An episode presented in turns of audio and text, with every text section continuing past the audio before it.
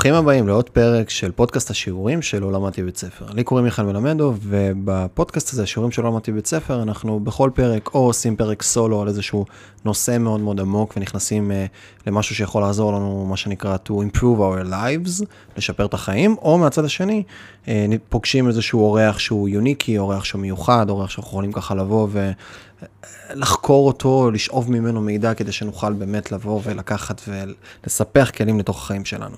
והפרק הזה, אנחנו הולכים לדבר על story אה, אחת מ buzzwords אה, העשור אפשר לקרוא לזה ככה.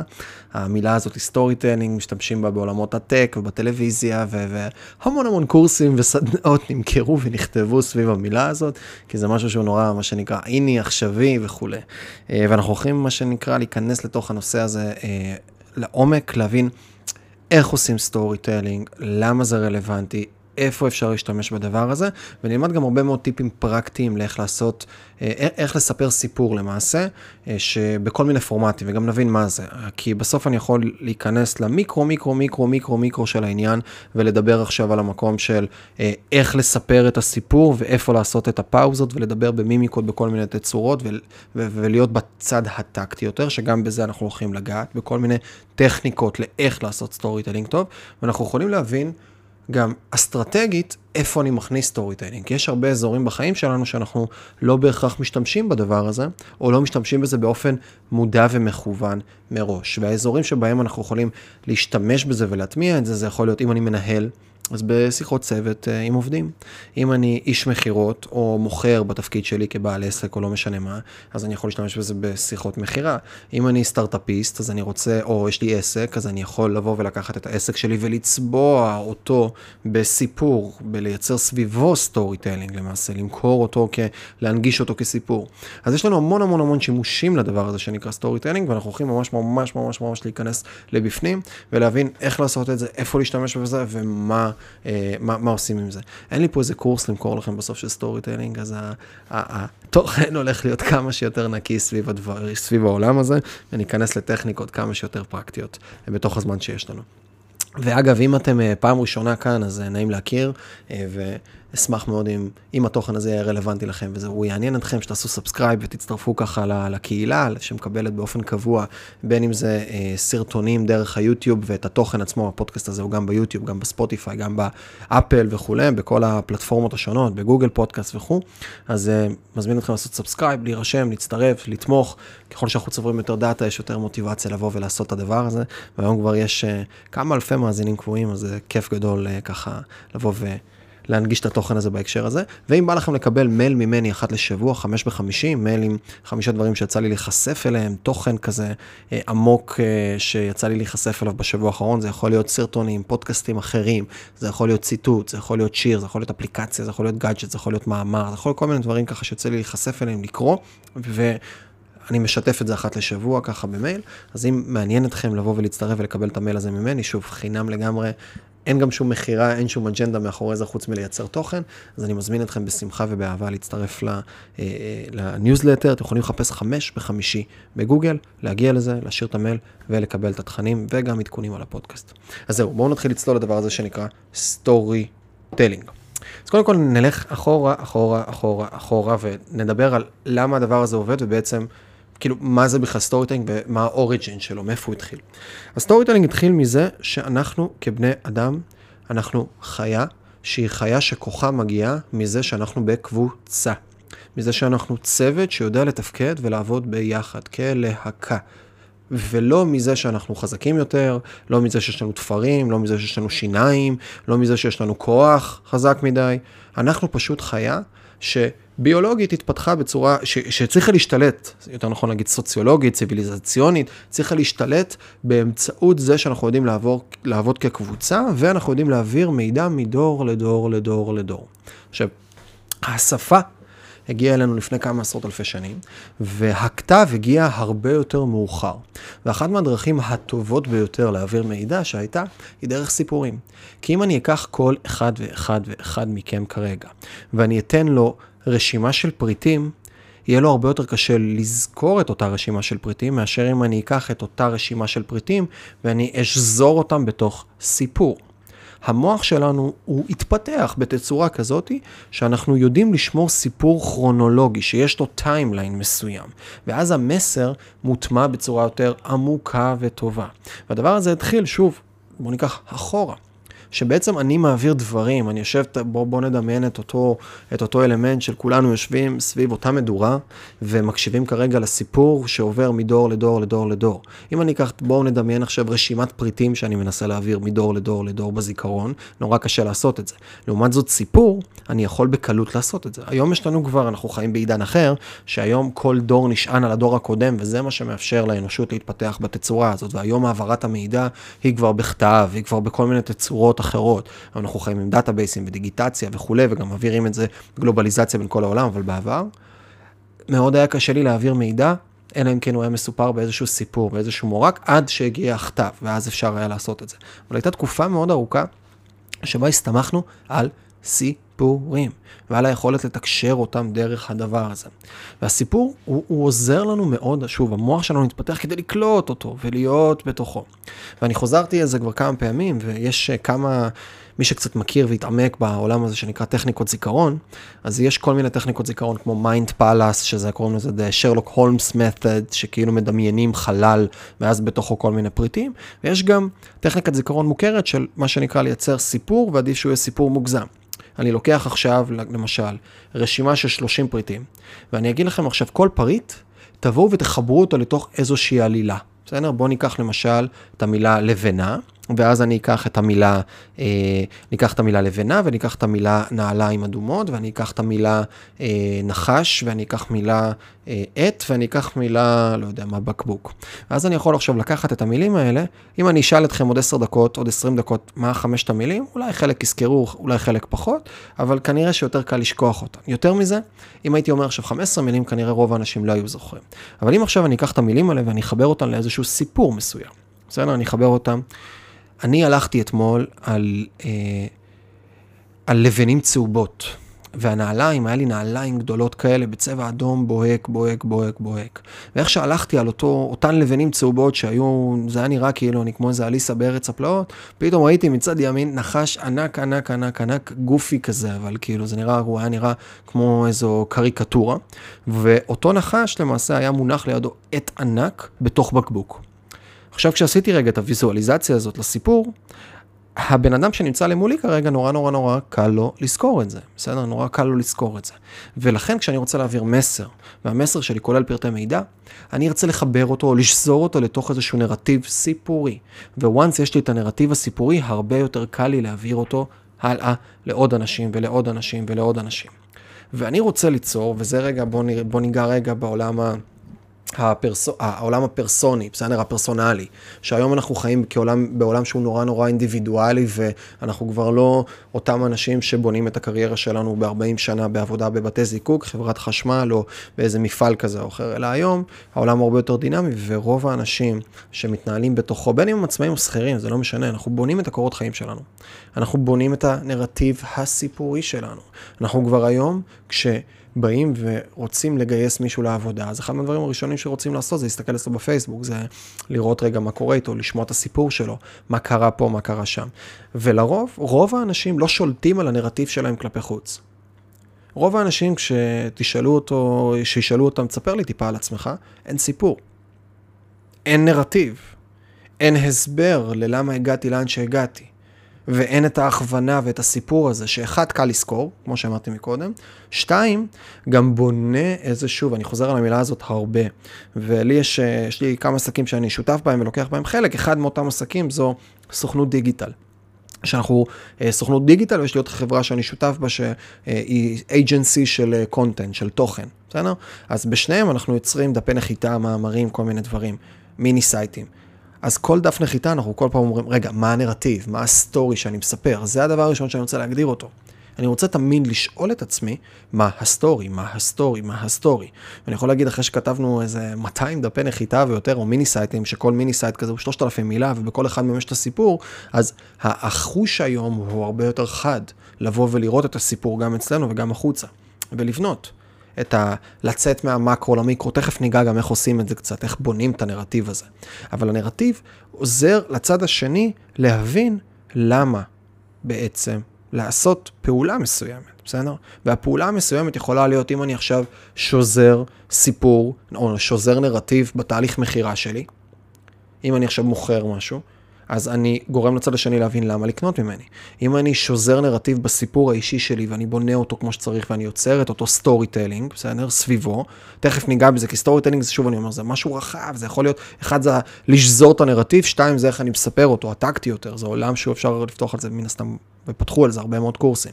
אז אני חוזר פה ואני נכנס רגע לדיטל של הדבר הזה, או זה יכול להיות בתהליך מכירה, זה יכול להיות בסיפור האישי שלי ברעיון עבודה, איזה נרטיב שזרתי, ואז אני רגע רוצה לגרום לצד השני שנמצא למולי, לקנות אותי בסוף כעובד לצורך העניין. זה יכול להיות איזה נרטיב שזרתי בפגישת שיתוף פעולה. איזה נרטיב שזרתי בזה שפגשתי בחורה בבר, בסדר? האם אמרתי לה, במה אתה מתעסק? אה, אני מתעסק בנדל"ן, אני מתעסק בדיגיטל, או אני מסביר סיפור עכשיו של 2, 3, דקה, בסדר? elevator pitch הקלאסי של ה-30 שניות, או שאני פחות מאמין בו, אבל ניגע בזה אחר כך. כאילו, אני יכול לשזור פה איזשהו נרטיב מסוים, בסדר? כשלי יש את ההזדמנות לעשות את זה, ורוב האנשים לא בונים אותו, לא מקבלים החלטה עליו, לא יוצרים אותו. אלא בצורה ספורדית, כל פעם שואלים אותם איזו שאלה, אז הם מספרים איזושהי תשובה מסוימת לגבי מי הם, מה הם, איפה הם, כמה הם. ויש לנו את ההזדמנות לבוא וליצור את אותו נרטיב, כי את הנרטיב הזה זוכרים. הנרטיב הזה בונה אותנו. הרבה יותר קל, הוא עובר, הוא הרבה יותר ויראלי, בסדר? ויראלי, מהמילה ויירל, מווירוסים ויראליים וכולי, הוא עובר, הוא חולף, סיפור, אפשר לספר אותו החוצה. ולנו יש הזדמנות בעידן של היום לבוא ואנחנו חיים בעידן של מותגים אישיים. וגם לא רק אישיים, כן, אבל בעידן של מותגים אישיים ובעידן הזה לבוא וליצור ולשזור את הסיפור שלנו, הוא, היא מיומנות קריטית. מיומנות באמת באמת באמת קריטית לבוא וליצור אותה. אז הדבר הזה שנקרא storytelling, שוב אני אומר, משרת אותנו בהרבה מאוד דברים. הוא עוזר לצד השני לזכור את הדברים בצורה יותר עמוקה וטובה, כי אני בעצם מעביר לו איזשהו סיפור שיש לו התחלה, אמצע, סוף, והרבה יותר קל לי לזכור התחלה, אמצע, סוף, מאשר לזכור רצף מסוים של מילים או נתונים או פרמטרים. בסדר? אני הרבה יותר יודע להעביר לצד השני מה קורה, בטח אם אני מחבר אותו בצורה נכונה. ודבר נוסף שקורה בתהליך של storytelling או בתהליך של סיפור, זה שאם אני עכשיו בא וזה חשוב מה שאני הולך להגיד, זה אחד מהדברים שלקח לי לא מעט זמן להבין אותו כתובנה. אבל אם אני עכשיו בא לבן אדם, ואני מנסה לשכנע אותו, בסדר? אני מנסה לבוא ולהגיד לו למה הדעה שלי יותר נכונה משלו. בסדר? למשל, בן אדם שנפרד מהבת זוג שלו. אני סתם זורק דוגמה ואני תוך כדי ככה זורם עליה. אם עכשיו בן אדם נפרד מהבת זוג שלו, ואני עכשיו רוצה להגיד לו, תקשיב אחי, אין סיר אחד למכסה. יש הרבה סירים, והרבה מכסים, ויש הרבה מכסים שיכולים להתאים. ובסוף זה עניין של, זה לא the one, אלא יש הרבה אלטרנטיבות והרבה אופציות, ואם היא הלכה, אז יכול להיות שאתה תמצא מישהי אחרת. עכשיו, אם אני אומר את זה למישהו שמאמין בזה שיש גורל והיא המיועדת לא, אני סתם נכנס כבר לדיטלס כאילו ספציפיים, אם אני מתחיל את זה, אני למעשה מייצר קלאש פוינט נורא ברור של הדעה שלי למול הדעה שלו. ואז עוד, אני רק מתחיל לדבר ו- ולהציג את התזה שלי, להציג את, ה- את, ה- את, ה- את, את הסיבות ללמה אני חושב, הוא כבר, עוד מהשנייה הראשונה, הוא כבר, לרוב, לא מעט מאיתנו, כבר בהתנגדות מסוימת. כבר יש לנו את הדעות שלנו. אגב, אני נותן רגע דוגמה על, על, על, על פרידה והתייחסות לגבי אה, אה, זוגיות, בסדר? אה, אני נותן את הפרידה לגבי הדבר הזה. אפילו, אתם יודעים, אני יכול לקחת דוגמה יותר חריפה, בסדר? של, של מישהו שפתאום רוצה אה, לפתוח את המערכת הזוגית שלו לפולי אמוריה מאשר מונו, ולא למונוגמיה, שיהיה לו כמה מערכות יחסים, למרות שהוא בן אדם נשוי, והוא עכשיו מציג את זה לבת זוג, או שהוא או לא מציג את זה לבת זוג, הוא מציג את זה לחבר. או מדבר איתו על פולי אמוריה, כן או לא. זה נושא, אגב, יותר חזק, כי לכל אחד, יש הרבה אנשים שמגיעים כבר עם דעה מגובשת, לצורך העניין. אז אם אני מציג את הדבר הזה עכשיו, אני עכשיו רק פותח ומתחיל לדבר על פולי אמוריה, הצד השני כבר נמצא בכזאת התנגדות, הוא כבר, הוא, הוא מהשנייה הראשונה כבר פחות קשוב לי, פחות פתוח, פחות רספטיבי, מה שנקרא, הוא פת, פחות יכול לקבל ממני כרגע דעה חזרה. אז אם אני עכשיו בא ומתחיל לדבר על פולי אמוריה מהשנייה הראשונה, אותו בן אדם, על פולי אמוריה או על הטענות, למה? תקשיב, אבל זה ככה, אבל זה פותח, אבל זה אפשרי, אבל זה מאפשר, אבל זה, זה נותן ליצרים שהם מסוימים לצאת, ומה זה אומר בכלל להיות בזוגיות. הצד השני כבר מלכתחילה בגלל שהוא הוא, הוא חלק מהזהות שלו, וזה גם כן איזשהו אלמנט חשוב שלא ניכנס אליו יותר, לעומק, יותר מדי לעומק, אבל אמונות או דעות בסוף בונות זהות. ואם בתוך הזהות שלי, בסדר? למשל, אם אני אדם דתי עם כיפה, אז הזהות שלי היא דתית מסורתית. אם עכשיו מישהו סתם בחלל החדר יבוא ויגיד משהו על הדבר, על הדת, או, או על יהדות, או על, או על שמירת שבת, או כל מיני כאלה, או על כשרות, הסבירות שאני אהיה קשוב לזה באקסטרים ואני ארצה להגן על הדבר הזה היא מאוד מאוד גבוהה, כי חלק מהזהות שלי היא זהות דתית, זאת אמונה או משמעות, או, או כאילו זה בליף מסוים שהוא נורא נורא חזק אצלי. אז אם עכשיו מישהו בא ולמעשה מדבר על האמונה הזאת שלי, שקשורה למשהו, ומתחיל לבקע אותה או לתת קונטרה, לתת דעה מנוגדת, אז מה שלמעשה קורה, בסדר? באותה, באותה שנייה, באותה סיטואציה, זה שמתחילה התנגחות. כי אם אני למעשה מנצח אותו ב debate, בדיון, אני פגעתי וערערתי לו משהו בזהות שלו. פגעתי וערערתי לו משהו בזהות, וזה שוב, זה תלוי סביב איזו שיחה. זה למה, אגב, כשיש הרבה פעמים שיחות שהן סביב פוליטיקה, ומדברים על ימנים או שמאלנים, או כל מיני דברים כאלה ואחרים, הרבה פעמים הרוחות מתלהטות, כי בן אדם שחלק מהזהות שלו זה אני ימני מיליטנטי לצורך העניין, ועכשיו עזבו את המיליטנטי, אני ימני או אני שמאלני, עכשיו זה, זה מיש, ומישהו מתווכח איתי על דעה כזאת או אחרת, אני יכול ישר, זה, זה שוב, זה שבטיות קדומה יותר, זה מחנות. אני רוצה להיות במחנה מסוים, ואם מישהו מתחיל לגעת לי בזהות, יש לי התנגדות נורא נורא נורא חריפה. עכשיו, כל הדבר הזה, בואו נחבר את זה רגע למקום של storytelling. כשאני מציג דעה מנוגדת, אני אוטומטית מקבל חסמים ומקבל התנגדות ומקבל clash point. כשאני מתחיל לספר סיפור, הצד השני לא מבין לאן זה הולך. החומות לא מורמות. זה מה שנקרא, וזו אנלוגיה, אנלוגיה יפה, storytelling זה סוס טרויאני. זה למעשה לבוא ולהכניס את הדעות שלי במסווה של מתנה, של סוס טרויאני, של סיפור, של משהו שנעים לי לשמוע. וזאת אנלוגיה שיש לה קונוטציה שלילית מן הסתם, כי סוס טרויאני זה אה, מדבר על אותו, שוב, טרויה, כניסה, לפרוץ את החומות וכולי. ומשלב בפנים הרבה הרג ורצח. יחד עם זאת, זאת אנלוגיה מצוינת כי היא בדיוק מעבירה את המסר של רגע, יש לי דעות או יש לי אמונות ואני רוצה לשכנע או לגרום לצד השני לעשות פעולה מסוימת. אם אני בא ישר עם הדעות שלי או עם האמונות שלי, אני אקבל חומות גבוהות והתנגדויות וקשתים על החומות. בסדר? קשתים על החומות ושמן חם כשאני אנסה להיכנס לבפנים.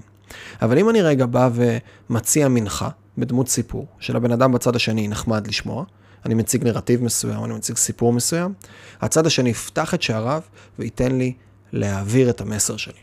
הוא ייתן לי לספר את הסיפור. ואם אני חוזר לאותה דוגמה על פולי אמוריה, אני יכול להתחיל לספר סיפור שהולך בצורה כזאת או אחרת ככה. תקשיב, לפני כמה שנים אה, פגשתי מישהי בטיול בדרום אמריקה, ו... וכהנה וכהנה, ואני ממשיך לספר את הסיפור, ואז מה שקורה רגע באותו רגע זה שהוא בכלל כרגע הולך למחוזות אחרים, הוא הולך למחוזות אחרים והוא בכלל קשוב לסיפור.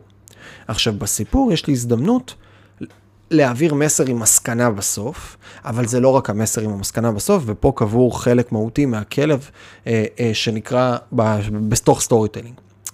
אני למעשה יכול לאורך הסיפור להציג הרבה מאוד אמונות, ולחזק אמונות ולבטל אמונות מגבילות. עכשיו, הדבר הזה מאוד מאוד מאוד קלאסי בעולמות של מכירה על במה, בסדר? מכירה על במה, או מכירה בוובינארים, או מכירה בדפי נחיתה ודפי סליקה אינטרנטיים וכל מיני דברים בסגנון הזה, בעולמות השיווק והמכירה והפרסום. שאני למעשה שוזר הרבה מאוד סיפורים בהרצאה שלי, שמבטלים את ההתנגדויות לצד השני. מבטלים התנגדויות, ועכשיו זה לא שאני אומר לו, ואני אתן דוגמה.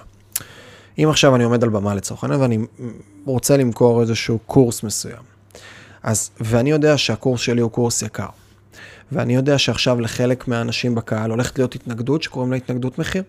הולך, הם הולכים להגיד לי יקר לי באיזשהו מקום. אז בתוך הסיפור מראש, אני רוצה לספר כבר, בסדר? בתוך הסיפור מראש אני רוצה לספר סיפור שמבטל את ההתנגדות של יקר לי. ואיזו דוגמה אני יכול לעשות לגבי הדבר הזה? אני אתן דוגמה אצלי למשל. אה, לפני, בגיל 22, כשהשתחררתי מהצבא, השתחררתי מאוחר כי התגייסתי מאוחר, הגעתי למצב שאני לא כל כך סגור לאיזה כיוון אני רוצה לקחת ומה אני רוצה לעשות עם עצמי. ובאותה תקופה התחלתי לעבוד כיועץ בחיל האוויר, הייתי ילד צעיר שמרוויח לא רע לגילו, אבל כמובן לא הרבה, כי הייתי בתחילת חיי, וככה שאלתי את עצמי מה אני הולך לעשות קדימה. ואז הלכתי לאיזה קורס, והלכתי לאיזה הרצאת מבוא. הלכתי להרצאת מבוא שדיברה על עולמות של נדל"ן. ואז כשהייתי בתוך אותה הרצאה מבוא שדיברה על עולמות של נדל"ן, נכנסתי ככה לתוך אותו מתחם, אני זוכר זה היה בסמינר הקיבוצים, היה, היה אה, אה, חורף מאוחר כזה כבר, כשקריר בחוץ, אבל אה, לא קר מדי, ונכנסנו לאותה הרצאה. ובסוף ההרצאה הוא אותו, אותו אדם שהיה בהרצאה מכר ב-6,300 שקלים קורס. זה המחיר שהוא מכר. ואני באותה תקופה באתי והסתכלתי על הדבר הזה, אמרתי, מה זה 6,300 שקלים? על מה אני משלם את זה? עשיתי לא מזמן קורס באיזה מקום שנקרא מעוף ב-700 שקלים, 14 מפגשים. זה 12 מפגשים, אני צריך לשלם עכשיו 6,300 שקל? מה זה המחיר המוגזם הזה? ויותר מזה גם.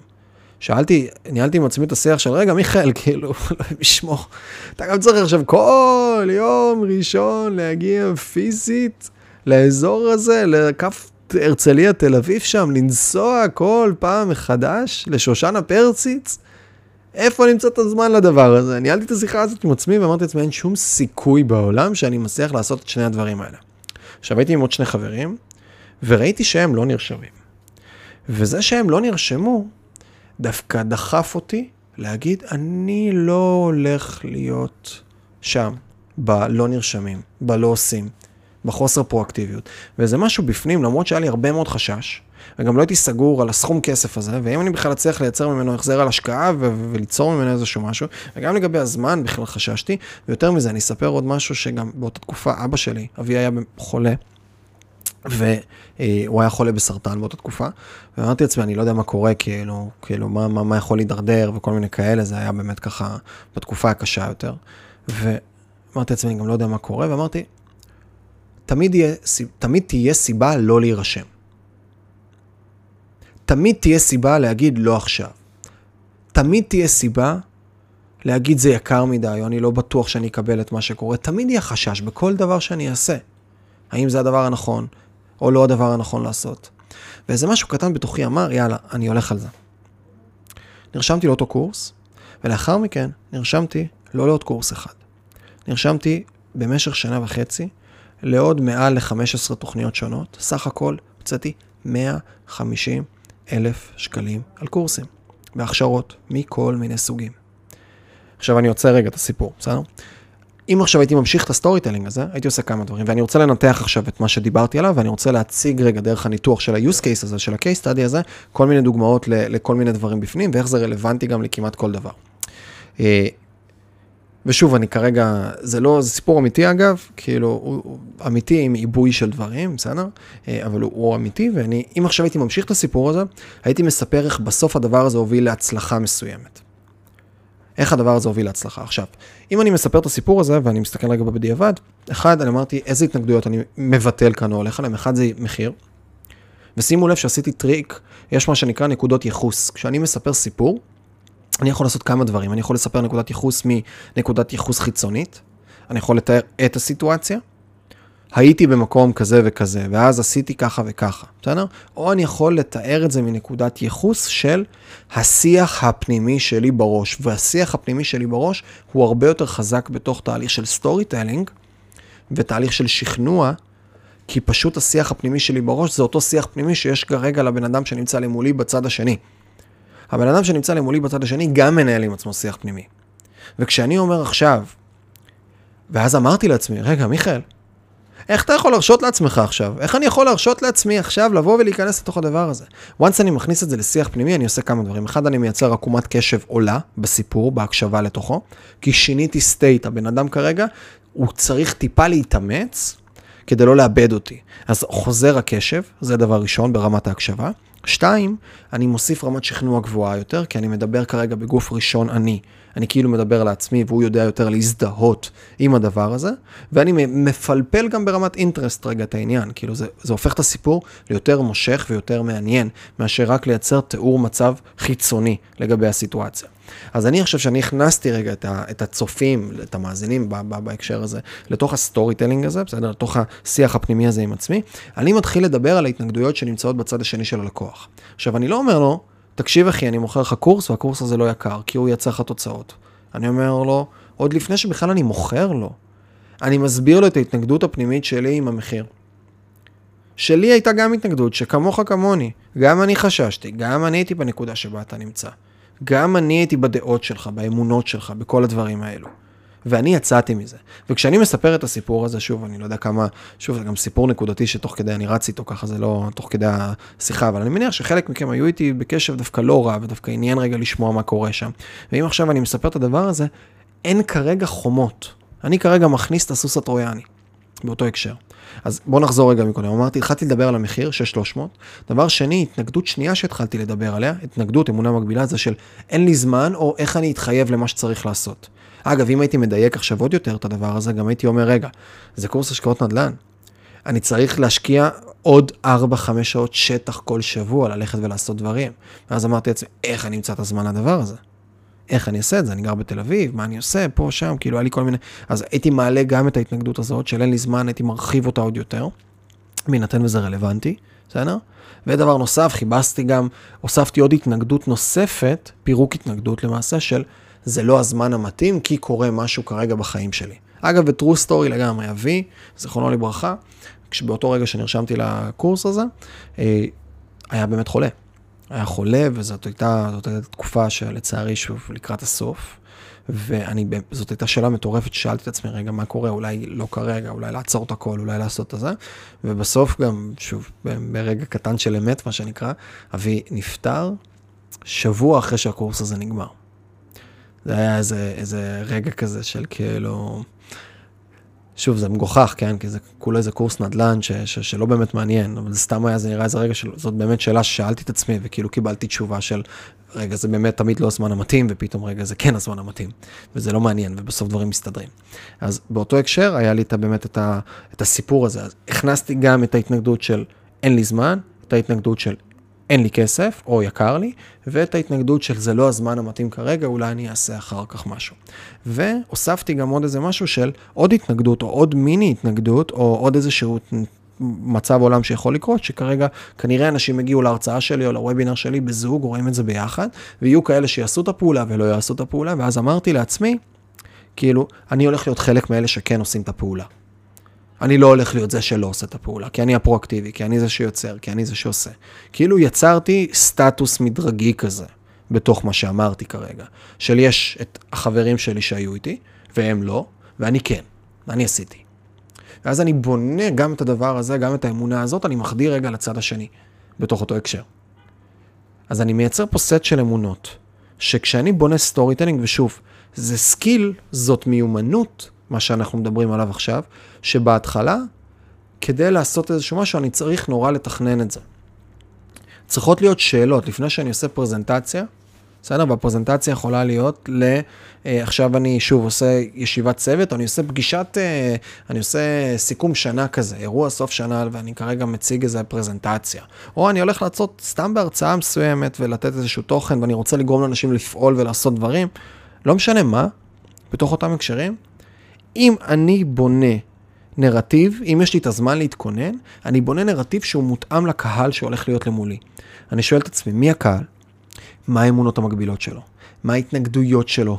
מה הפעולה שאני רוצה שאותו בן אדם יעשה בסוף?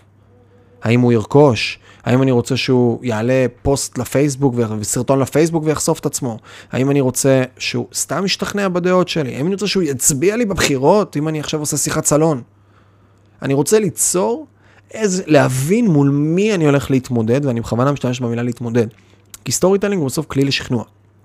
הוא כלי להנאה של בן אדם. הוא כלי לגרום לבן אדם לעשות משהו. אז אני שואל את עצמי את כל השאלות האלה לפני, once הבנתי רגע את הפסיכולוגיה האנושית של הבן אדם, הבנתי רגע מה עומד מאחור, מה, מה עומד, שוב אני אומר, מה האמונות המקבילות, מה ההתנגדויות, מה יגרום לו לא לפעול, מה יגרום לו כן לפעול, איזה דברים הוא מעריך או לא מעריך. אגב, שוב, גם אם עכשיו, שוב, זה תלוי מי הקהל שלי. אם הקהל שלי באותו סיפור עכשיו שסיפרתי הוא חבר'ה בני 25, אז אני אדבר הרבה על, עם דוגמאות של, הייתי, הייתי מעצים את זה והייתי אומר, ובאותה תקופה גם, כי לא הייתי עם עצמי, ולא הייתי, לא היה ברור לי לאן אני הולך, לא היה לי, לא היה לי מושג ירוק מה אני הולך לעשות עם החיים שלי. כאילו, הרגשתי שיש בי פוטנציאל, אבל אתם יודעים למי אומרים שיש לו פוטנציאל? לבן אדם שעדיין לא עשה את זה, עדיין לא הקשיב, עדיין לא הגיע לשם. בן אדם שהצליח, לא באים לאילון מאסק או לג'ף בזוס או, או לא יודע מה, לוורן באפט ואומרים לו, תקשיב אחי, אתה בן אדם עם פוטנציאל. לא, אומרים לו, אתה תותח. ואני ילד, אני הרגשתי שאני ילד עם הפוטנציאל. אגב, בדוגמה הזאת שנתתי כרגע, זה בדיוק אותו הקשר של אנשים שעדיין לא יצרו ולא הגשימו. אם עכשיו הייתי מדבר על אנשים בני 40, בסדר? אם הייתי מדבר על אנשים בני 40, ושהם לצורך העניין, אני רוצה למכור להם משהו שקשור להסבת מקצוע, או אני רוצה לשכנע אותם שזה בסדר לשנות דברים, אז הייתי, הייתי מספר סיפור אחר, הייתי אומר, באותה תקופה הייתי יועץ בחיל אוויר.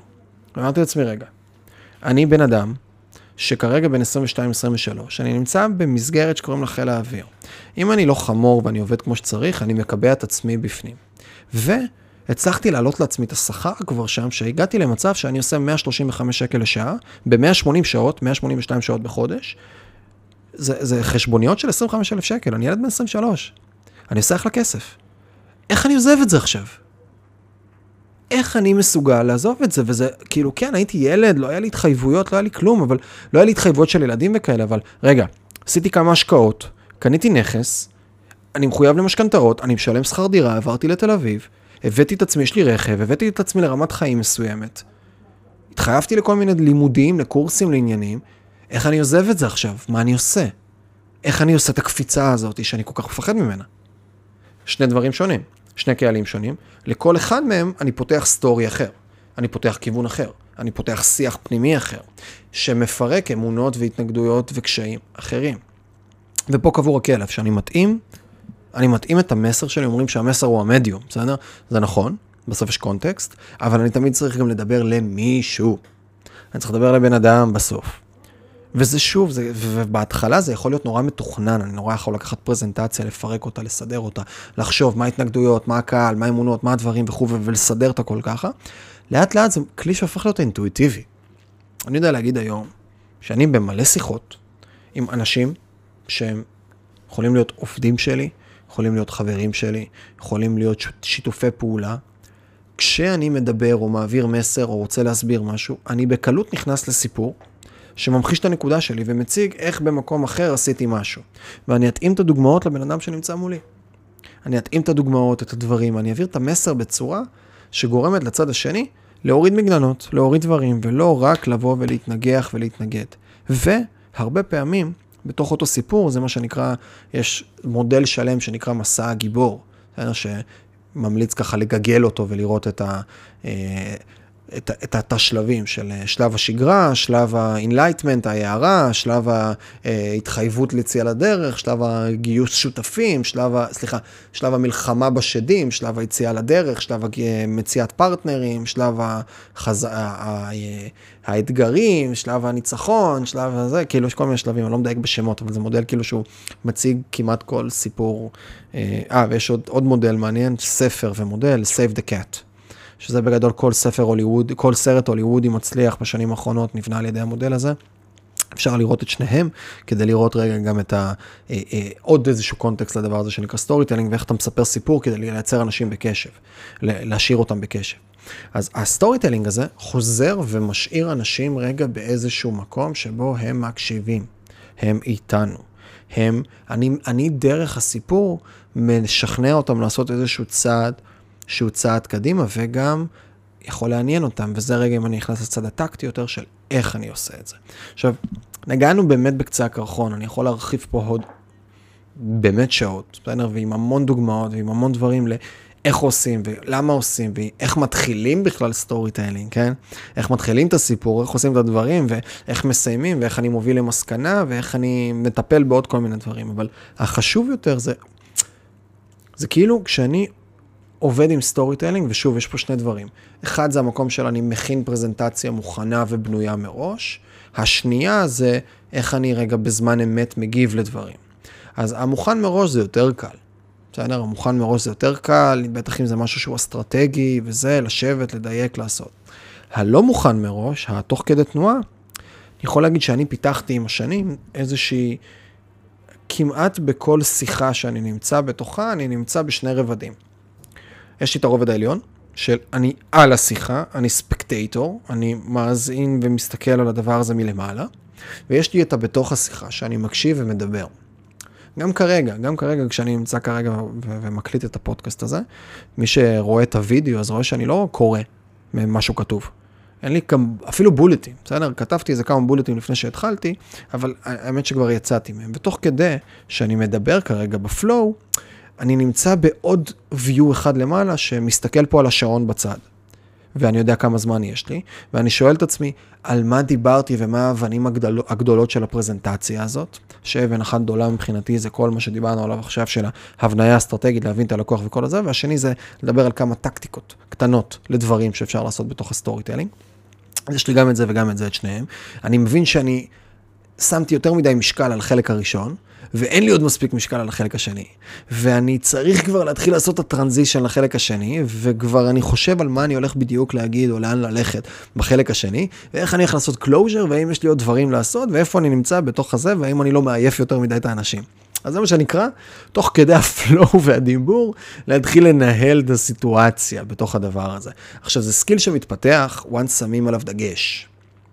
זה skill שמתפתח once הוא נוכח בתוך השיחה. עכשיו זה גם עובד הפוך, שאם אני יושב עכשיו עם בן אדם, ואני רואה אותו מדבר, ובוא נגיד זה איש רציני שלא מדבר שטויות, אלא כשהוא מדבר אז יש מחשבה מאחורי זה ואסטרטגיה, ולא סתם יוצאות לו מילים מהפה. אז כשאני מנהל את השיחה, כשאני רואה מישהו, אז זה גם עובד בזה שאני לא רק מקשיב למה שהוא אומר, ל content, לתוכן, אני מקשיב גם להקשר, לקונטקסט, ללמה הוא אומר ובאיזה הקשר הוא אמר את זה ולמה זה מתקשר ולמה הוא אמר את מה שהוא אמר ואיפה אנחנו נמצאים כרגע בתוך המשא ומתן, בהינתן בזה משא ומתן נגיד, או שיתוף פעולה, או בחינת עבודה, או עובד שכרגע בא להגיד איזשהו משהו, או מנהל שבא להגיד לי איזה משהו, בסדר? אז זה מין תודעה כפולה שבה אנחנו רוצים לפתח אותה, ואם אנחנו מצליחים לפתח אותה מספיק חזק, והדרך הכי קלה להתחיל לפתח אותה, היא פשוט להיות מודע למה שאנחנו אומרים, או לבחון אחרי שאמרנו דברים, מה אמרנו ולנתח אותם, זה אחד. שתיים, זה למדל אחרים ולהקשיב להם. ואז הדבר הזה הופך להיות יותר ויותר ויותר ויותר ויותר משמעותי, והוא גם הופך להיות יותר אינטואיטיבי. דניאל קיינמן, דיברתי על זה בכמה פודקאסטים אחרים, יש לו uh, חתן פרס נובל לשלום, פרופסור דניאל קיינמן, לא לשלום, לכלכלה התנהגותית, שפיתח uh, מודל שנקרא System 1, System 2, שהוא דיבר על זה ששיטה, System 1 זה האינטואיציה, System 2 זה השיטה. אז כשכל דבר שאנחנו עושים בתחילת חיינו, אנחנו קודם כל מתיישבים על שיטה. ואנחנו עושים את הדברים לאט, ואנחנו לא עושים אותם אינטואיטיבי, כמו תחשבו על לנהוג ברכב. בפעם הראשונה, להכניס את הקלאץ', כל פעם שאתה פונה, לאותת, להסתכל בראי, להסתכל אחורה, אני בולם, אני צריך להסתכל למעלה בראי האמצעי כדי לראות אם יש רכב מאחוריי, אני מעביר הילוך, אני מכניס את כל דבר הוא במודעות. עם הזמן, אחרי שאנחנו נוהגים הרבה, הדברים האלה הופכים להיות ל-System 1, לאינטואיציה. זה הופך להיות חלק מהפלואו. חלק מהדברים. אותו דבר זה. היום כשאתם נוהגים, אז אתם נוהגים, בטח בכביש מהיר. אתם לא חושבים על להכניס את הקלאץ' לעשות את הדברים. אתם יכולים, אנחנו יכולים לנהל שיחה בטלפון. תדמיינו את עצמכם בשיעור ראשון לנהיגה, מנסים לדבר בטלפון תוך כדי, בלתי אפשרי. אבל תדמיינו את עצמכם אחרי חמש שנים, או אל תדמיינו את עצמכם בהינתן יש לכם רישיון חמש שנים וצפונה ואתם נוהגים, אתם יכולים לדבר בטלפון. אגב, איפה לא? כשיש סביבה משתנה ואני צריך להתחיל להפעיל את ה system 2 שלי ואני לא יכול להיות על autopilot. למשל, כשאנחנו נכנסים לכיכר. אם תשימו לב, כשאנחנו נכנסים לכיכר, ואנחנו מתחילים, ואנחנו מדברים בטלפון, פתאום רגע הקשב מהשיחה נעלם, ואנחנו עסוקים רגע בלראות מה זז בשטח, כי דברים יותר דינמיים, אני צריך לקבל החלטות, אני יותר מודע למה קורה. אותו דבר פה, גם כן storytelling, או, או להיות מודע לרגע מה קורה, לפתח את התודעת על הזאת, זה משהו שקורה בהתחלה משיטה, מלהזכיר לעצמי, מלהגיד, רגע, רגע, רגע, מה קורה פה? לאן זה מוביל, לאן זה הולך וכולי, ולאט לאט לאט לאט לאט זה הופך לאינטואיציה.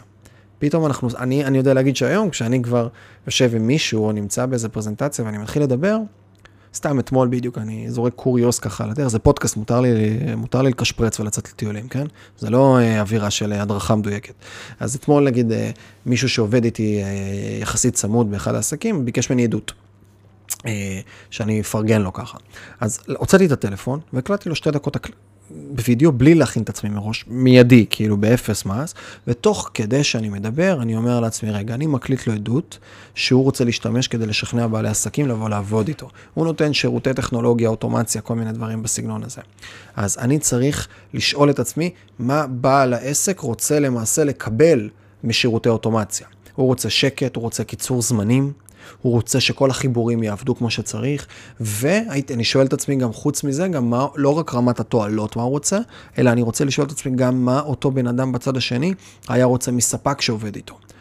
אם אני עכשיו רוצה ספק, אז אני רוצה זמינות, אני רוצה מה שנקרא שתהיה נשמה. בסדר? שהבן אדם שנמצא איתי, שהוא יהיה נשמה, שהוא יהיה בתוך העסק, שהוא יהיה בפנים, שהוא לא יבוא ככה על הדרך, יעשה כמה דברים, יעשה לי טובה ולא יהיה לי זמין ולא כלום. עכשיו ועוד כמה דברים. אז תוך כדי, באמת זה היה ככה, כאילו, מה אני אגיד? טוב, יאללה, בוא נזרום, פותח את הזה, ותוך כדי שאני מדבר, ויש לי flow, אני כבר חושב על כל הדברים האלה, ואני מתחיל להגיד, ו- ויובל הוא, הוא אותו שחקן נשמה שאתם לוקחים אתכם כספק לעסק, שרץ איתכם. הוא נמצא שם, הוא זמין, הוא ראש גדול, הוא שואל שאלות, הוא בא ושואל אתכם שאלות. ובסופו של דבר הוא נותן לכם שירותים של אוטומציה שחוסכים זמן, מייעלים את התהליכים, מונעים מלא מלא מלא מלא טעויות, בסדר? אני כאילו כבר חושב על מה הצד השני צריך לשמוע. אני לא בא ואומר, יובל הוא מדהים. אני כאילו מבין שיש לי כאן קייס כרגע לשני דברים לשכנע את הצד השני. הקייס הראשון הוא, אתם צריכים שירותי אוטומציה. ה case השני, אתם צריכים את יובל. ככה המוח שלי חושב. היום, אחרי חמש שנים של התעסקות בתוך הדברים האלה, של מודעות לגבי הדברים האלה. כשאני בא, אני כבר אומר, רגע, מי הלקוח בצד השני? מה הוא רוצה? מה אני צריך לשכנע אותו? מה האבנים הגדולות? מה הקייסים? מה ה clash point שאני צריך לפרק אותם? ומתוך ה clash points האלה, מה הטענות שאני בונה כדי לבוא ולהוכיח את הטענה שלי לגבי הדבר הזה. אז התוצר הסופי, התועלת במקרה הזה, והנה אני מראה לכם איך אני מפרק את זה תוך כדי, כן? לא חשבתי על זה ככה, באותו רגע או לפני, לא היה תכנון, זה קרה תוך כדי, אבל מה אני רוצה? אני רוצה שיקחו לעבודה את יובל, בסדר? זאת המטרה של העדות הזאת. מתחת לעדות הזאת, אני אומר, מה שני הטיעונים המרכזיים שלי? אחד, אני צריך, אתם צריכים אוטומציה, שתיים, אתם צריכים את יובל, שיעשה לכם את האוטומציה. אוקיי, מה הטענות מתחת לכל אחד מהם? אוטומציה, חוסך זמן, מונע טעויות, חוסך כסף, מייצר זה טה טה טה טה טה, וחוסך, אה, ויובל כספק, זמין, שחקן נשמה, ראש גדול, מרים לכם את הדברים, ואז בום, יצרתי פה flow כרגע. ממטרה של בואו בוא תיקחו את יובל לעבודה, לשתי טענות של יובל טוב ואוטומציה אחלה, וכמה טענות מתחת. וזה כבר ב flow אוטומטי, וזה שריר שאפשר לפתח אותו, ושוב, זה חוזר, זה כאילו לא storytelling קלאסי, בסדר? למרות שכאן, אגב, אם הייתי רוצה להעביר עדות, אה, הייתי יכול לייצר פה עדות מסוג אחר, שהיא לא טענתית, בסדר? דיבייטית, אלא הייתי יכול לייצר פה עדות מסוג אחר שמדברת בכלל על מקום של... אה, היה לי אתגר באוטומציה. בסדר? אני, יש לי משרד פרסום, יש לי סוכנות פרסום, סוכנות אה, דיגיטל, שאחד מהאתגרים בתוך אותה סוכנות דיגיטל זה שכל הזמן יש אינטגרציות, ממשקים, לקוח עוזב, לקוח נכנס, מוצר חדש, דברים, זה, כל הזמן יש אינטראקציות עם הדבר הזה, וזה מסוג הדברים שהוא תמיד איזה מין סוג של black box עבורי, כי אני לא הגעתי לעולם הפרסום במקום הטכנולוגי והאוטומטי, וכל הזמן הגעתי למצב שיש לי תקלות באינטגרציות האלה, בממשקים האלה, וגם כל מיני דברים אצלי פנימיים בתוך הסוכנות, היינו עושים מלא מלא מלא דברים ידניים. ותמיד גם אמרתי לעצמי שאוטומציה זה לא משהו שאני צריך כרגע, כאילו, אני יכול להיעזר בבית, שמי שהעובדים אצלי, הקמפיינר לצורך העניין, אני אעשה את הדברים האלה ככה על הדרך, ואני אצלי, אני לא צריך כלום, אני יש לי את השיטה שלי, זה עובד לי, אני כבר התרגלתי, מה שנקרא, לכל מיני דברים שאני עושה. ופתאום איזה חבר, שהוא גם שותף, הכיר לי את יובל, ויובל אמר לי, בוא ננסה כל מיני דברים, ואז פתאום איך שהתחלנו לנסות, הוא הסתכל על, הוא, הוא פתאום בחן את התהליכי העבודה אצלי. הוא אומר לי, תגיד, למה אתה עושה ככה, ולמה אתה לא פשוט מייצר אה, אוטומציה אחת, שבלחיצת כפתור זה עושה לך את זה.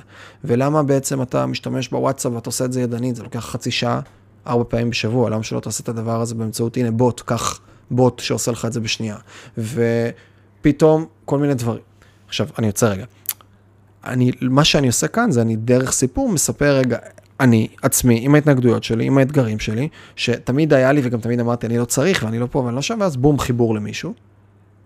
מישהו חיבר לי, ואז הוא אמר לי, רגע, אבל למה אתה עושה, פתאום הוא פתח שאלות, פתאום הוא זה, והוא הצליח, וגם אם הייתי מספר, מסיים את הסיפור, הייתי מסיים אותו ב... הוא חסך לי X שעות, Y טעויות, Z כסף, משהו בסגנון הזה. כדי לגרום רגע לצד השני, להבין גם מה יוצא לו, אמילי, אני מה יוצא לי מזה בצורה נורא נורא קונקרטית. זה היה הרגע, כל ההסתכלות בכלל אסטרטגית על כל הדבר הזה שנקרא storytelling, אני רוצה טיפה, טיפה, טיפה, טיפה, טיפה לגשת לטקטיקה ולדבר על כמה ניואנסים קטנים שאפשר לבוא כדי לדייק ולשפר את התהליך הזה שנקרא storytelling אצלנו, טכניקות, איך אני מספר סיפור.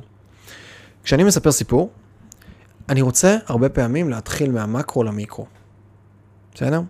אני לא רוצה לרדת לדיטלס יחסית מהר, אלא אני רוצה לדבר על מה שנקרא, כדי לבנות את הנרטיב שלי, את הנרטיב הסיפורי, אני רוצה לצאת ממשהו גדול עם משמעות, ולאט לאט לאט לרדת למסר הקטן שאני רוצה לצל... לספר בסוף. זה flow, זה משפך שיורד מה... אה, העולם משתנה, בסדר? היום אנחנו חיים בעולם דינמי שזז, היום כבר אין עבודות בטוחות, כבר אה, היום אנחנו הולכים לעולם של יותר עובדי קבלן, ואנחנו הולכים לעולם שבו אה, פחות ופחות יציבות וכו' וכו', ואני יכול להישען על כל מיני מחקרים ודברים. מתוך הדבר הזה אני רוצה להגיד על איך ישראל זה משפיע עליה ולאן זה לוקח את ישראל, ואז מתוך ישראל אני רוצה לקחת את זה לסקטור ספציפי, ואז בסוף אני רוצה להגיד, בואו ל... כאילו, תהיו יזמים, או תהיו דינמיים, או תמשיכו להתפתח. או לא משנה מה, אני מניע מתובנה שהיא גדולה לתובנה קטנה, וזה אחד מהדברים היותר חזקים בתהליך של העברת מסר ותהליך של איזשהו סיפור. אם אני יכול לשזור בפנים גם את הסיפור האישי שלי באיזשהו מקום, זה עוד יותר חזק לתוך הדבר הזה, בסדר? אתה יודע, עוד יותר לחזק את זה בפנים. זה אחד. שתיים, דיברתי מקודם על זה ואני מחדד את זה שוב, נקודת יחוס. כשאני מספר סיפור או אני מספר משהו, אני יכול לספר את זה מבחוץ, אני יכול לספר את זה מבפנים. מה... הסתכלות של שיח פנימי. יש פה שלוש אופציות. אופציה אחת היא, אה, ואז הלכתי, ואז פגשתי, ואז עשיתי, ואז ככה וככה וככה קרה. זאת אופציה אחת, כנקודת ייחוס שהיא חיצונית לחלוטין. יש נקודת ייחוס, או הסתכלות, יותר נכון, באיזה גוף אנחנו מספרים את זה. הגוף השני הוא דיאלוג.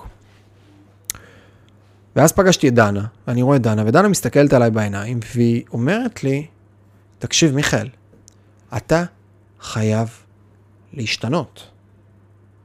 אתה, אני רואה אותך היום ואני רואה אותך לפני 20 שנה, ואני רואה שאתה נמצא באותה נקודה.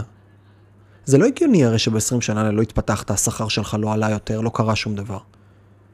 ואתה יכול להגיד הכל על הסביבה, אבל בסוף, אני עוצר את זה, ואז אני, כשאני נותן את הדוגמה הזאת, אני אומר, באותו רגע פתחתי רגע עוד דמות ולא סיפרתי את הסיפור מהצד. אלא יצרתי וממש נכנסתי לגוף של דנה. וכשאני מספר סיפור ואני מתחיל לפרק אותו למקום הזה, אני מייצר עוד עניין, אני מייצר עוד גירוי לקהל. אז זה דוגמה שנייה, ודוגמה שלישית, כמו שאמרנו מקודם, אני מספר את זה מבפנים. אני מספר את זה מבפנים למול עצמי, של, ואז אמרתי לעצמי. אגב, אם אתם רוצים לראות מישהו, שלדעתי הוא אחד מהסלסמנים הטובים בעולם, אה, ואנשי הפרזנטציה שמבצעים מכירות באמת אולי הכי טובים בעולם, בחור בשם ראסל ברנסון, חפשו ביוטיוב קצת סרטונים שלו. אין סרטון שלו שתמצאו שהוא בלי storytelling. הוא מתחיל כל דבר, ואגב, ממליץ בחום לעשות מלא modeling עליו. הוא כל דבר שהוא מספר, הוא מתחיל בסיפור. התנגדות פנימית שלו, פגשתי חבר, פגשתי זה, פגשתי עסק, זה קרה, זה פה, זה שם, לפני שהוא מעביר את העיקרון. והוא נותן נפח לכל עיקרון. אצל ראסל אפשר לקצר כל פרזנטציה שלו ב-80% כדי להעביר רק את המסר המרכזי. אבל כל המעטפת, כל ה-80% שכביכול לא רלוונטיים, גורמים ל-20% להיטמע כמו שצריך. כי בסוף זה לא כמה מידע אני שומע, כי כולנו יכולים לפתוח עכשיו כל דף ויקיפדיה ולקרוא מלא מלא מלא מידע. אבל מהמידע לפרקטיקה, בסדר? לאשכרה להטמיע, לאשכרה לזכור, שונה לגמרי. ואצלו זוכרים. אצלו זוכרים. כי פשוט נכנס לזה, אז אפשר לעשות שם המון המון המון modeling. בואו נחזור לעוד כמה טכניקות קטנות. אה, עוד דבר נוסף שאפשר לעשות ברמת ה storytelling זה כשאני מספר, אני רוצה לעבות את הסיפור עם פרטי מידע לא רלוונטיים. אם אתם זוכרים, זרקתי, אני רוצה שני דברים, אני אגע פה בשני דברים. אחד זה ספציפיות, ושתיים זה תיאור מקום. ואני אגיד למה. משני טעמים. טעם ראשון, ככל שאני יותר ספציפי לגבי נתונים ודברים, אה, ככה אני יותר בונה אמינות לסיפור שאני מספר. עכשיו, אני לא אומר שאם אתם מייצרים איזה סיפור שאתם מספרים ל- ל- לחבר שלכם, אתם צריכים עכשיו, חבר טוב מהבית, אתם צריכים לבנות אמינות. אני מניח שהוא יאמין לכם, בסדר? אלא אם כן. ואם לא, אז יש או בעיה בחברות או בעיה בכם. אבל אני מניח שהוא יאמין לכם. העניין פה הוא לא ה- לספר את הסיפור, אה, לא, לא רק לבנות אמינות, אלא זה לחזק גם את הקייס, לבנות גם אמינות לקייס. אז כשאני עכשיו בא ומדבר בנתונים ספציפיים, כמו למשל, לא יודע מה, איפשהו, אני זוכר לפני איזה אזור 10 שנים, 12, לא זוכר משהו באזור הזה, היה איזה משחק, נראה לי חיפה, אולי הפועל, חיפה, מכבי, כזה, והיה איזה גול בדק, בסוף המשחק, כאילו, אני חושב שזה היה בניון, שהיה טיל, כאילו. היה אחד הגולים הכי מטורפים ומשוגעים בעולם. לעומת, אה, תקשיב אחי, בשנת 80, בשנת 98, היה משחק חיפה זה, זה היה באיצטדיון הזה והזה, ובדקה 94, ברקוביץ' לקח את הכדור, היה 1-1, ואני הייתי ביציע, בסדר? הסיפור, הוויבידיות, בסדר? אני מייצר ויבידנס כזה. מוחשיות לתוך התהליך, הרבה הרבה הרבה יותר חזק, וזה גם בונה אמינות, כי בן אדם לא מחרטט מלא נתונים על פרש, זה מראה את הבקיאות שלו, את הידע שלו, וגם, שוב, זה גם מחזק את המקום של הידע, כי אם אני מדבר במספרים מדויקים זה יותר חזק. אז כשסיפרתי לכם את הסיפור מקודם, אני לא יודע אם אתם זוכרים, אמרתי גם, איי, ועכשיו לנסוע כל יום למקום הזה, לסמינר הקיבוצים, לשושנה פרסיץ, בין אה, תל אביב להרצליה, על הקו שם, כאילו כל יום עכשיו לנסוע לשם. כאילו, זה גר... הלספר את זה שזה ב... ואגב, שוב, אם הייתי מספר את זה עוד יותר מדויק, יותר מתכנן, אז הייתי אומר, שושנה פרסית 3, אני זוכר נורא את הכתובת שם, כי זה באמת היה משמעותי עבורי, על לנסוע לשם. שושנה פרסית 3, זה היה על ה... ליד אה, חוף הצוק שם בהרצליה, כל יום לנסוע לדבר הזה. סיפרתי את הנתון הזה, הוא הפך את זה לספציפי, הוא הפך את זה למוחשי. הוא גרם לצד השני רגע לבוא ולהגיד, רגע, רגע, רגע, הוא לא מחרטט אותי. נכנסתי לעומק. הספציפיות במספרים, בנקודות, במקומות, מייצר יותר נופח לסיפור, יותר אמינות, ומייצר שכנוע כללי יותר גדול למסר. בסדר? זה אחד. שתיים, אני חוזר לאותו אלמנט של, שוב, איך אני מאבד את הסיפור שלי, זה המקום של אה, תיאור מצב שהוא לא בהכרח רלוונטי מסביב. אבל הוא בונה זה כמו פרוזה, כמו ספרות יפה, כמו רומנים. כשאני כותב רומנים, אז אני רוצה לבוא ולא רק להגיד, הוא אמר לזאתי, הלך לשם, ולא, אני רוצה לספר על זה שהיא ישבה בכרכרה. וכשהיא ישבה בכרכרה בדרך לארמון המלך, הכרכרה הייתה מאותן כרכרות ישנות, מעץ, עם גלגלי עץ, והדרך, אותה דרך ישנה ולא סלולה, מלאה באבנים, מלאה בחצץ, שכל אבן קטנה שהכרכרה עולה עליה, שאותו גלגל עץ עולה עליה, מרגישים בכל הכרכרה, כמו הסיפור עם הנסיכה והאפונה, רק שזה לא אפונה ולא נסיכה, אלא זה אותה כרכרה, בדרך לא סלולה, בלילה אפל וקר, שכל דבר מרגישים, כל דבר נוכחים בתוכו. עם אותם קולות של סוסים ואותם שני שיכורים שיושבים מאחור, אני מתאר את כל הסיפור מסביב. ואז אני נותן נופח ואני מייצר כאן, אני מטריג, בסדר? מהמילה טריגר, כמה דברים אצל מי שמקשיב לסיפור שלי כרגע. כנראה שכשמי שהקשיב למה שאמרתי עכשיו, יש סיכוי לא רע שעלתה לו תמונה כרגע, בסדר? יכול להיות שעלתה לכם תמונה של מי שיושבת עם שיער אסוף כזה מהמאה ה-16, עם איזה שמלה ורודה, ויכול להיות שמישהו אחר ראה משהו אחר, ואמרתי לילה, וכשאמרתי דרך לא סלולה, וכנראה כשאמרתי גלגל עץ, אז עלתה לכם תמונה ואבן קטנה ודמיינתם את הסיטואציה, אז יש פה פתאום איזשהו תיאור מצב שמפעיל דמיון. וכשאני רוצה לשכנע מישהו, אני רוצה לשכנע אותו, לשכ... להעביר מסר, לשכנע, שוב, זה לא הכל פה רק מכירות, מכירות, מכירות, אלא פשוט לייצר גם עניין, זה הרבה דברים מסביב. אני רוצה להכניס אותו, אני רוצה שהוא יהיה מעורב, אני רוצה שהוא יהיה ב engagement. לא רוצה שהוא זה, בוא נגיד ככה, בקצה בצד ימין יש לי בן אדם שהוא מת, שהוא באפס engagement, בקצה בצד שמאל יש לי בן אדם שהוא איתי לגמרי, בסדר? שהוא במאה אחוז. אז אני רוצה להביא אותו כמה שיותר להיות נוכח איתי. וכשאני בא ומציג לו ואני מפעיל אצלו חושים, אני מתחיל לגרום לו לדמיון לראות את הדברים, שזה כוח מאוד חזק. ויותר מזה, כשלמשל, זה נגיד להפעיל את חוש הראייה וה... ולראות מה קורה. עכשיו, אני יכול גם להפעיל עוד חושים, כמו בתוך הסיפור, אני מספר עכשיו. איפשהו ב... נראה לי, זה היה ב-2000 וזה היה ב-16. 2016 וזה גם היה בינואר, כי זה בדיוק היה חודש וחצי אחרי שהתגייסתי לצבא. אה, סליחה, ב-2013, חודש אחרי שהתגייסתי לצבא. אז הייתי בעובדה, בסיס עובדה. בסיס עובדה זה בסיס שנורא נורא נורא קרוב לאילת, זה הבסיס הדרומי ביותר בישראל, וזה מקום נורא נורא נורא מדברי. ובינואר, דמיינו לכם רגע את המזג אוויר הבא, את התמונה הבאה. דיונות של חול, אנחנו במטווחים, שוכבים על דיונה, למעלה שמיים כחולים כחולים כחולים כחולים של 10 בבוקר, שמיים של 10 בבוקר, אין עננים בכלל, חוץ מזה כמה ענני נוצה סופר קטנים, והשמש היא שמש שהיא מלטפת את האור. היא שמש שכשהיא נוגעת מרגישים אותה ומרגישים גם קונטרסט נורא נעים. כי מצד אחד קר, אנחנו במדבר בינואר, 20 מעלות, 18 מעלות. מצד שני, שמש נעימה שמחממת ומלטפת. והאוויר הוא אוויר מדברי. אותו אוויר שכשלוקחים נשימה, אז מרגישים קור נעים בפנים, אוויר כזה של פולין, אוויר כזה של מדבר, של קר. לוקחים את אותה נשימה. מרגישים את זה בפנים. עכשיו, שוב, את אותו סיפור, וכרגע כל מה שעשיתי זה אקספוזיציה למשהו שאני רוצה בכלל להגיד, אני לא יודע מה אני רוצה להגיד, אבל אקספוזיציה למשהו. אז אותו סיפור פותח לי חושים בצד השני. חוש ראשון שזה פותח, זה פותח, אמרתי, שמש מלטפת, אז זה, זה מה שנקרא קינסתטי, בסדר? זה מחבר אותי לחוש, למגע. החוש השני זה חוש הריח פתאום, או חוש הרגע מעורב, זה, זה לא רק ריח, זה גם מעורבות.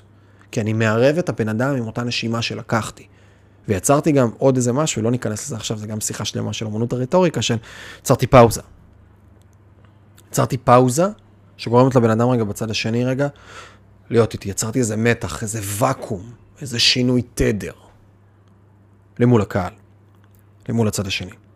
אז כשאני מספר, ושוב, יצרתי גם, חיברתי גם ויזואליזציה של ענני נוצה, של שמיים כחולים, של שמש מלטפת, של דיונות, ושכחתי גם להגיד, הרי אילת כזה ברקע.